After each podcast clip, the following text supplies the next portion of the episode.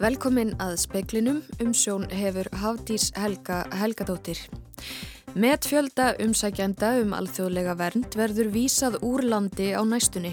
Dómsmálar á þeirra segir að verið sé að framfylgja lögum sem ekki hafi verið hægt að gera og meðan að sótvarnartakmarkanir voru í gildi á landamærum. Meðal sviðsmynda sem almannavarnir skoða vegna jarðhræringa og reykjaneskaga er að reysa varnargarða til þess að verja begði Grindavík og mikilvæg innviði. 27% starfsmanna landspítalans finna fyrir kulnunar enginum. Framkvæmda stjóri mannauðs á spítalanum segir það mikið áhyggjuefni. Rúsar hafa tekið ákverðunum að hætta að senda jarðgas til Finnlands. Flutningar verða stöðvaðir strax í fyrramálið. Fósætis ráð þeirra segir að stjórnar andstöðu flokkanir ættu mögulega að endurskoða sína stefnu í að, aðdraganda kosninga sem hún segir að hafi einkennst af niðurrifi og baktali þar sem þeir hafi ekki náð góðu gengi í kostningunum. Hátt í 300 umsækjandum um alþjóðlega vernd verður vísað úr landi á næstunni. Samkvæmtu upplýsingum frá útlendingarstofnun hefur aldrei áður staðið til að vísa svo mörgum úr landi á sama tíma. Jón Gunnarsson, dómsmála ráðherra, segir að ástæðan fyrir því að hópurinn sé svo fjölmennur sé að nú hafi flest lönd afnumið reglur um sóttvarnir á landamærum. Markir hafi neitað að fara í COVID-próf og því sé ekki hægt að framfylgja úrskurðum um brottvísun fyrir nú. Ég held, eina, held ég að þetta sé einhverstaðir kring 270 mann sem hafa dvali hér í raunni ólögumættri tvöl. En er einhugur eina ríkisvöldunum hvernig ber að standa svona málum? Þeir sem eru að framfylgja þess eru bara að fara að íslenskum lögum. Þetta fólk er hér í ólögmættri dvöl. Það var engin brottfylgningur vegna faraldursins og þar alveg hefur fólki verið hérna í að sumi lengi. Hefur það engin áhrif? Nei, ekki þessu tilfelli. Þetta hefur leiði fyrir akkvært þessu fólki í langan tíma um leið og þessar hindranir yrðu úr vegi að þá kæmi að þessum degi. Magnús Daví Norda, lögmaður fólk sem hafa vísa á landi, segir dómsmál á dagskrá sem gæti breytt stöðu fólksins. Þannig við getum verið í þeirri stöðu í haust að það sé búið að framkama hér tugi eða hundruð brottvísana sem eftir aðtökum kunna að teljast ólögmættar. Sæði Magnús Davíð Nordal, Anna Lilja Þóristóttir talaði við hann og Jón Gunnarsson. Framkvæmdastjóri Mannauðs á landspítala segir mikið áhyggjuefni hver margir starfsmenn upplifi kulnunar enkenni vegna álags í starfi. Ný könnun landspítala sínir að um 27% starfsmanna hafa fundið oft eða mjög oft fyrir kulnunar enkennum. Könnunin var gerði í februar og niðurstöðurnar eruðu nýverið ljósar. Gunnar Ágúst Beintensson, framkvæmdastjóri mannuðs á landsbítala, segir að niðurstöðurnar séu sláandi en það séu 27% í kringum 1700 starfsmenn. Við tökum þetta eins og sé mjög alvarlega og við erum náttúrulega að leita allra leiða til þess að hjálpa fólkjum okkar eh, sem er búin að standa sér frábælega.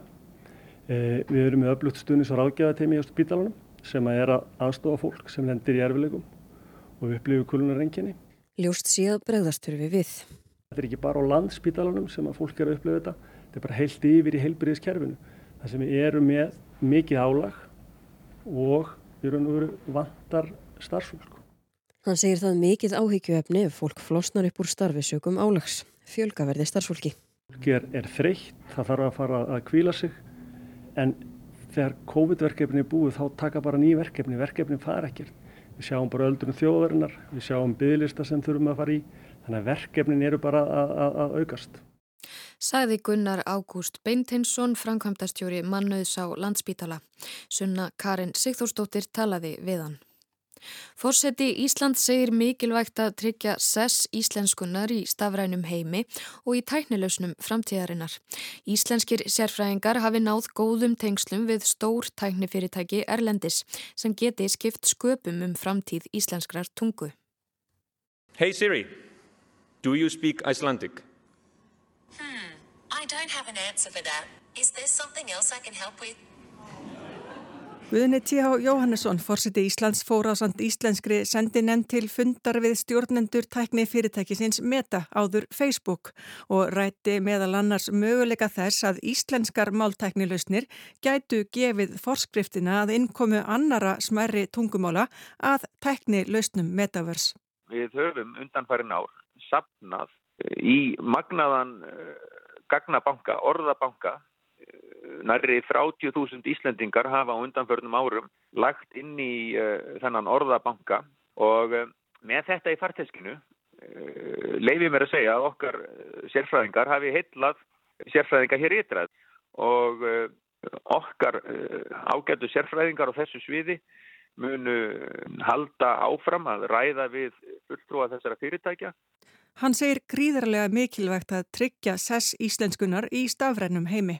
Að tryggja að við getum talað íslensku við tæki og tól, ekki síst eh, snjálfsíma og uh, annan búnað sem stiðst við uh, skipanir á, eða samskipti og við getum spjallað við Siri og Alexu og fleiri eh, sem eh, svara spurningum og veita upplýsingar en ekki á íslensku.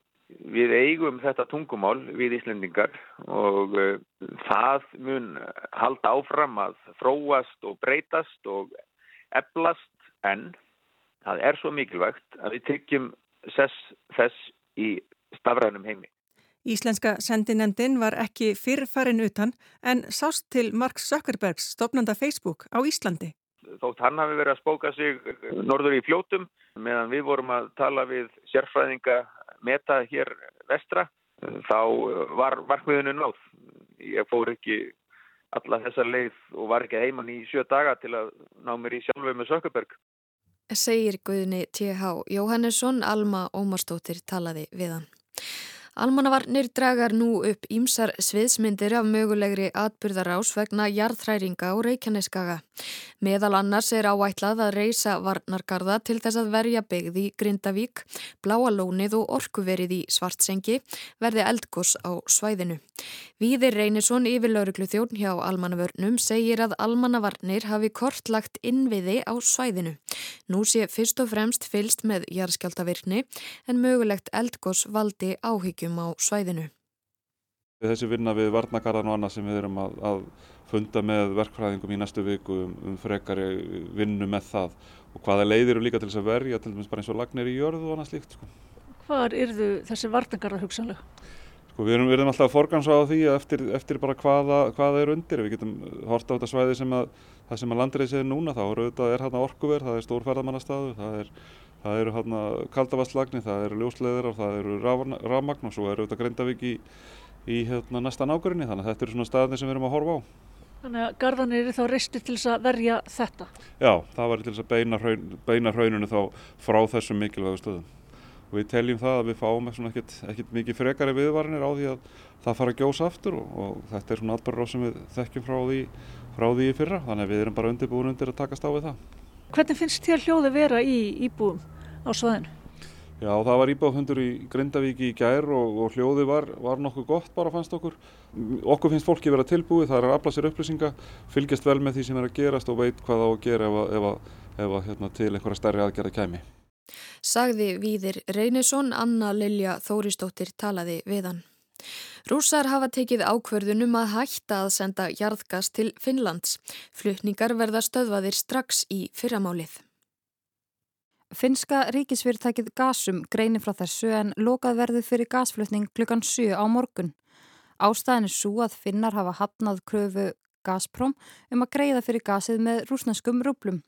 Rúblukrafan var sett fram þann 1. april og hefur þegar verið lokað á flutningagas til Pólans og Búlgaríu. Þetta kemur Finnum því ekki að óvörum. Gas er um 5% af heldar orkunótkun Finna en 90% af því kemur frá Rúslandi. Heimilin eru ekkert sérstaklega háður úsnesku gasi en þetta gæti komið illa niður á ýmsum yðnaði í landinu. Gasum hyggst bregðast við með því að flytja inn aukið magn af gasi frá Íslandi í gegnum leiðsluna Baltic Connector. Þó er ljóst að það muni ekki sinna eftirspurn eftir gasi í Finnlandi.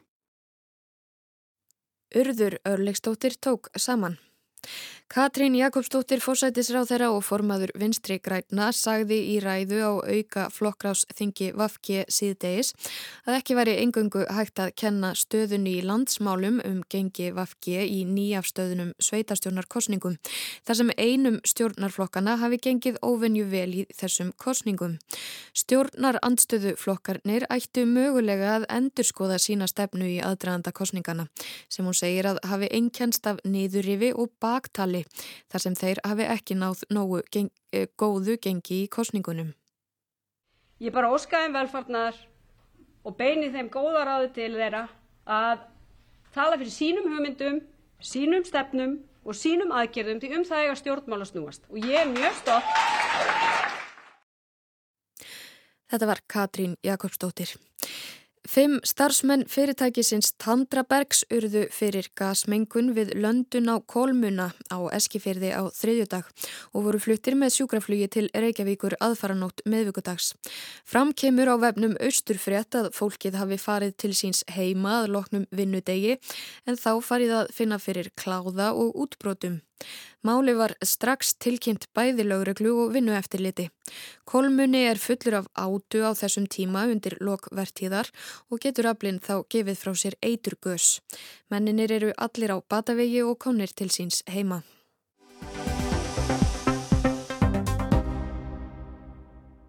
Það er ekki laust við að setja svo lítinn ugg að fólki þegar að fréttir berast af nýri veiru sem farin er að dreifa sér. Yfirvöld í Svíþjóð hafa skilgreint veiruna apabólu sem sjúkdóm sem ókni almanna heill eftir að fyrsta tilfelli sjúkdómsins greindist það í gær. En hvað í ósköpunum er apabóla? Þórólfur Guðnason er sótvarnalæknir. Það er náttúrulega vel þekkt stórabóla eða bólusótt sem var hérna, mjög mikil skadvaldur í heiminum og Íslandi hérna, öldum fyrr og sérstaklega í byrjun átjánda aldar var þetta mjög skæður sjúkdómur á Íslandi og dánartalan og þeim sjúkdómi var um 30% þar að segja 30% af þeim sem smituðist þeir, þeir dógur hennilega en svo tókst að útrýma bólusóttur heiminu með bólusetningum og bólusetningum var gerð bólusett var hægt hér 1979 en það eru til önnur afbreyði af, af svona bólum bóluveirum sem eru sömu fjölskyldu og, og stóra bóla eða bólusótt og Þar á meðal er þessi apabóla sem er þekkt á í öpum og dýrum en, en getur stökur sem smittast yfir í, í menn og, og, og það er aðalega sérst í Afríku, Míðafríku og Vesturafríku en, en svo hefur þessi veira verið að skjóta upp kollinum í mörgum löndum í Evrópu, Breitland og fleiri löndum og í Bandaríkjónum og í Kanada og það sem að eh, tilfelli má rekja til í sömum tilfellum til, til Afríku en öðrum tilfellum ekki. Þannig þetta er svona svolítið ómennilegt og ekki öll svona kannski kurl komið til grafar ennþá. Veiran er þó alls ekki óþægt. Þrátt fyrir að hún sé í fyrsta sinnað greinast svo víða á vesturlöndum, greindist hún fyrst í mannfólki í austur Kongo árið 1970. Alþjóða heilbreyðistofnun telur að þúsundir manna síkist árlega af ababólu og flestir þeirra í austur Kongo. Svona sjúkdómar fá yfirleitt ekki aðtikli hér nema, nema að fara að greinast hér. Þannig að það er svona ekki margi sem hafa áhuga á sjúkdómum sem er ekkert að greinast, til dæmis í Evrópu. Það er vissilega verið að rannsaka þessa sjúkdóma í til dæmis Afríku og marga aðra sjúkdóma sem að e, finnast ekki annar staðar.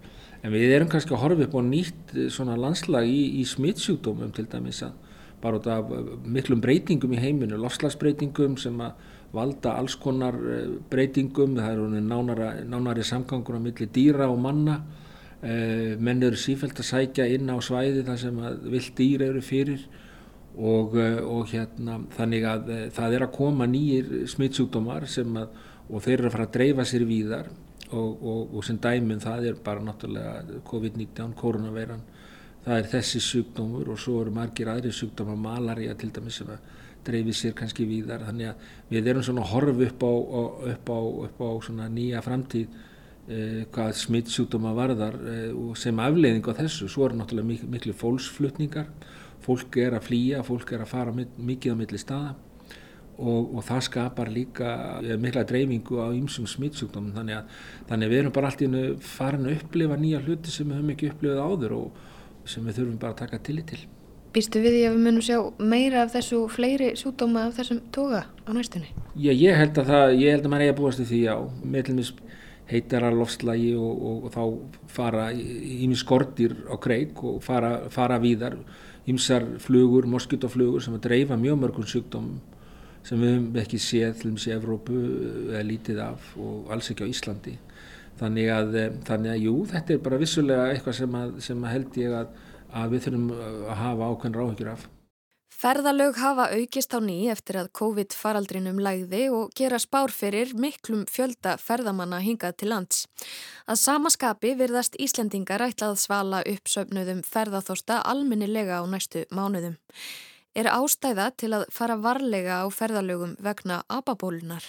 Ég held að fólk þurfi bara alltaf á ferðalögum að hafa all, alla smittsjúkdóma á bakvið eira þannig að, að fólk passi sig og gæti fylgst að hreinlætis það er svona aðal, aðalatriðið en auðvitað má ekki skemma ferðalagið með einhverjum, einhverjum ofsarhæðslu þá er kannski betra bara að setja heima en það gildir bara um þessa, þetta smit eins og svo mörg önnur það er bara almennt reynlæti og fólk passir sér sem skiptir, skiptir öllu máli og við erum náttúrulega búin að, að vekja aðtikli á þessu innan heilbriðiskerfisins þannig að menn séu vakandi e, ef að fara að koma fólk ellendis frá með e, svona enginni sem geta að passa við þessa síkingu því að Því það gæti tekið einhver tíma fyrir fólk að greina þetta því þetta voru aldrei greinst hér á Íslandi.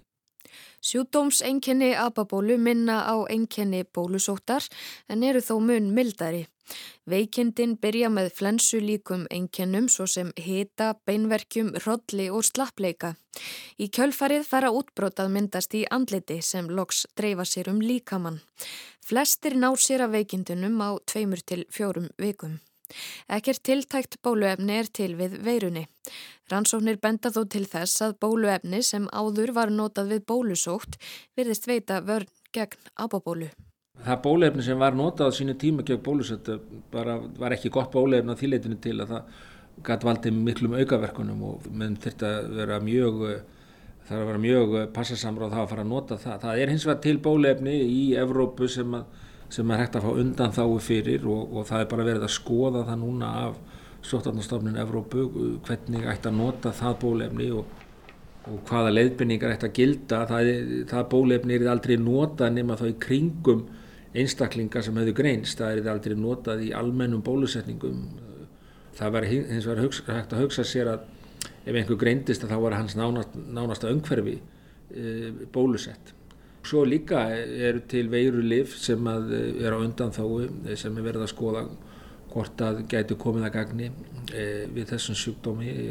Þannig að þetta er svona bara allt í skoðun og en hvorki bólefnin ég, þetta veirulif eru, eru til hér á Íslandi. Þetta kveikir á gömnum tilfinningum ein, eins og við sem í byrjuninni á einhverjum nýjum faraldri. Hefur einhverjar áhegjur af því?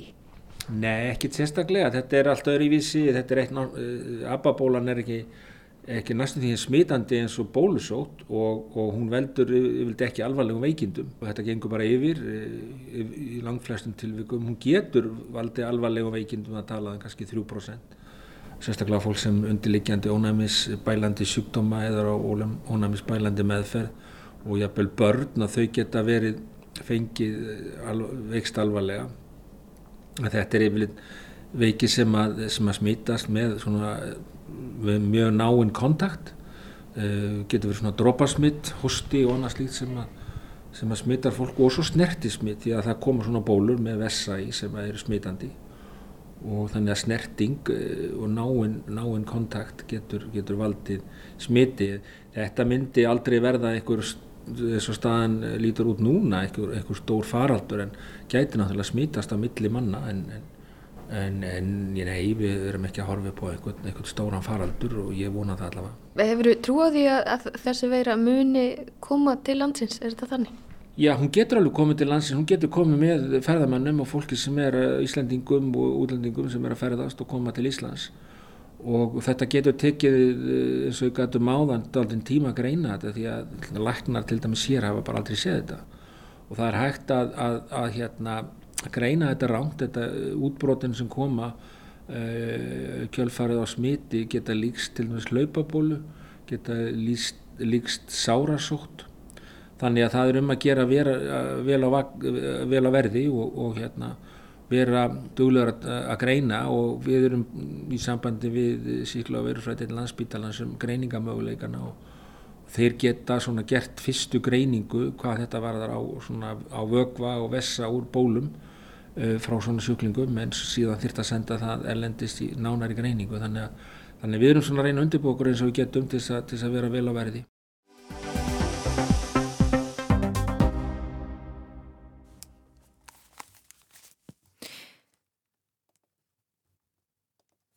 Rannsóknir sína að lög um fæðingar og foreldra orlof sem sett voru fyrir 22 árum og hafa síðan verið endurskoðuð hafa gjörbilt umönnun barna hér á landi. Guðni Björk Eidal, profesor við félagsráðgjafadeilt Háskóla Íslands, greindi frá niðurstöðum langtíma rannsókna á áhrifum fæðingarorlofslagana á félagsráðgjafaþingi fyrir skömmu. Hún segir grundvallarbreytingu hafa orðið. Réttur barna til að umgangast og mynda tengsl við báða foreldra sé mun betur tryggður en fyrir aldamót. En hvernig var fæðingarólofi háttað hér á landi fyrir aldamót? Já, það er svolítið sérstækt. Við vorum miklir eftirbátar annara Norðurlanda þjóða sérstaklega varandi fæðingarólofsmálinn. Það kom inn ákvaði lög 75 um að konur á vinnumarkað getur fengið atverðlisbætur í þrjá mánu eftir fæðingu því það var talað um að það veri sannlega atvinnleysi en á gleðilegum orsökum og þannig var það raukstutt og það var ekki fyrir 81 sem að komu almenn réttur til fæðingarlofs og smá saman aukin upp í 6 mánuð og þannig var það sérstaklega fyrir aldamót. En upphæðin var ekki hlutfalla launum heldur ákveðna fasta greiðslu sem tóku miða vinnu tíma fólks. Og feður gáttu tekið 30 daga á þessu fæðingarlofi en, en það voru bara teljandi á, á fingrum annara handar hversu margir voru að nýta sér það. Þannig að þetta var svona dalti úr takti við það sem víðast gerðist á þeim tíma. Og þá er sett þessi tímamóta lögjöf árið 2000 þegar Pál Pétursson, þáverandi félagsmálur talaði fyrir nýju lögum um fæðingarálof. Nýju mánuður, 80% af launum, greitt antilist til upphæðar og hvert fóreldir fyrir sig áttu rétt á þrejum mánum og svo áttu þrjá mánuði sameila sem við gotum dilt á millisinu svo kusu. Var samstaða um þetta í, í samfélaginu? Það var ótrúlega samstaða um þetta. Þver pólitíst, launþæðarhefingin hafi talað fyrir þessu, atverðinleikundur stuttu þetta og samkvæmt okkar ansóknum og gallup þá var mikill stöðningu við þetta meðal almennings. En þarna kemur þessi regla 3 pluss 3 pluss 3, mm -hmm. 3 á móður, þrýr á föður og síðan sameinu réttur. Hver var reynstan að þessum sameinlega rétti? Hvert fór hann? Já, sko bara kannski taka fram að setna var auðvitað lögunum breytt í eitt fóröldur og annað fóröldur því fóröldur eru á ólíkum kynjum en reynsla var svo að svona gegnum sneitt þá hafa feður íslenskir tekið allan sinn sjálfstæða rétt þeir tóku einn mánu þeir áttu einn mánu, tvo mánu þeir áttu tvo og svo framvegs því þetta var innleitt í áfengum en mæðurnar hafa meðaltali tekið alla hýna sameilu mánuðina og sína. Og þetta er bara hlutur sem við sjáum í landunum í kringum okkur að það verðist vera þannig að staða feðra varðandi það að taka rými til umönnunar, fá leifi frá vinnuvitenda semja við móðurina og svo framvegs er bara það þröng að það þarf að venda þennan rétt barsins til umönnun að begja fóreldra því það, það, það snýstu barnið ekki fóreldrana og við sjáum það í löndunum í kringum okkur að, að þetta er mjög svipa þar að feður taka fyrst og fremst það sem þeir hafa sérstakar rétt til. Hverju breyti þetta í umönnun barna? Við höfum gert langtíma rannsókn á þessu og mælt þetta nokkur sinnum. Þar að segja bara hvernig fóreldra segjast hafa skipt umönnun barna sinna og í stuttumáli er hægt að segja að þetta er bara gjörbilding. Það bara þekkist allar lengur í dag að foreldrar skipti ekki jaft með sér um hennum barna sinna við þryggjára aldur. Við erum að mæla fyrstu þrjú æfarun í lífi hvers bars. Við sjáum þetta, þetta bara allt í kringum okkur. Allir eru svo vanir því að feður takki virka þátt í lífi barna sinna. Við erum meila hægt að taka eftir því. En ef við hverfum 20 ára aftur í tíma þá erum við fljótar yfir hvað þessu ólíkt þetta var það er samt enþá þannig að, að mæður taka þennan sameilega rétt og þar leðandi er þær stærri umununar og þær taka þá lengra leifi frá störfum með tilhærandi áhrifum á þeirra stöðu og vinnumarkaði. Þannig að þetta er ekki orðið jaft, en þetta er grundvallabreiting. Það gengur sögur hér allavega fyrst eftir þetta tók gildi að feður hefði nú bara farið í golfi eða veiði á sínu þryggjamána orlofi. Mm -hmm. Það er mjög aðtrygglisvert hvað það er alltaf svona svolítið kynjus sín á þetta. Ég man bara ekki eftir því að nokkuð maður hafi spurt hvað mæður gerir fæðingarorlofi en það koma öðru hverju fréttir af maður sem stopna fyrirtæki að skrifa bók eða eitthvað það er bara að klappa fyrir því en það er alltaf svona þessi radar á feðuna þessi hugsalega að gera eitthvað annað en að hugsa um börnin En ef maður les lýsingar feðra sem eru í fæðingaralögu þá eru það reyfildi þá verun að þetta hafi komið með óvart hvað sé mikið að gera og hvað sé flókistarfa húsum bann. Þannig að þetta hafi verið flökkusúr. Væntanlega, það er erfitt að mæla það svo sem en við sjáum bara að þessi kynja sín byrti svolítið þarna í þessu. Það er svona efasemtir um feðurna en svona full trú á, á maðurunum. En það er nú ímislega gerst á þessum rúmlega 20 árum, þar á meðal bankarun, efnahansrun. Hafði það áhrif á fóraldra orloðið? Já, við sáum, dróum lærtum á því, við rannsökum þetta og fleiri fræðimenn nokkuð nákvæmlega að, að það dró úr töku feðra þegar að, að það kemur lækkað í kjölfars niðurskurðar í velferðarkerfinu og það var svo sem viðbúð og, þingmenn vissu það, það bara þurfti að gera það þannig að það voru svona allir nokkuð vissir um að þetta hefði ekki hver afleðingar og það var raunin en uh, það kent okkur að það eru sársökamörk að heimilin þól ekki nema ákveðna tekjuskerðingu í fæðingarálofi og eftir því sem að fæðingarálofi bætir betur upp fyrir tekjur að þeim mun betur standu þetta fóreldrarnir að víi við tökuna. Lögunum var breytt árið 2020, hvað gerðist þá? Já, lögunum hefur verið breytt í áfengum, þess að tjómyndi var hjá stjórnildum að þeir eru tólmána orlof og í fyrra áfanga var, var því breytt í fjóra pluss fjóra pluss tvo sammeila og svo við heildar endur skoðun var ákveðið að, að skipta í aft. Það er að sex mánuður á hvort fóreldri í dag en fóreldurum er frjálst að færa á milli einn og hálfa mánuð. Þannig að fadir getur látið móður fá allan þann tíma að hluta og auðvögt. Þannig að það er hvað, 7,5 mánuður á móti 4,5, kannski algengt?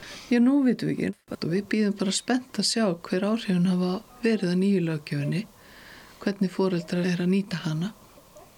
Erum við komin að endapunkt núna? Er 12 mánuða fæðingarólof, er það endapunkturinn? Já, nú verður að spyrja stjórnmálmennina og fóreldrana. Ég er bara að rannsaka hvað áhrif lögjöfin hefur en kannski væri bara spennand að sjá meiri sveianleika og fólk hefði meira val um hversu lengi þau eru í fæðingarlu og hvernig börn fara á leikskólan. Börn er ekkit eins og það er alls kýrs aðstæður fyrir fólki. Þannig að það eru margi sem að tala fyrir enn lengra álofi og svíjar til dæmis hafa mjög lengi verið með lengra álofi en þetta en þeir eru líka með mjög mikið sveianleika þannig að fólk getur nota dagana lengra fram í aldur.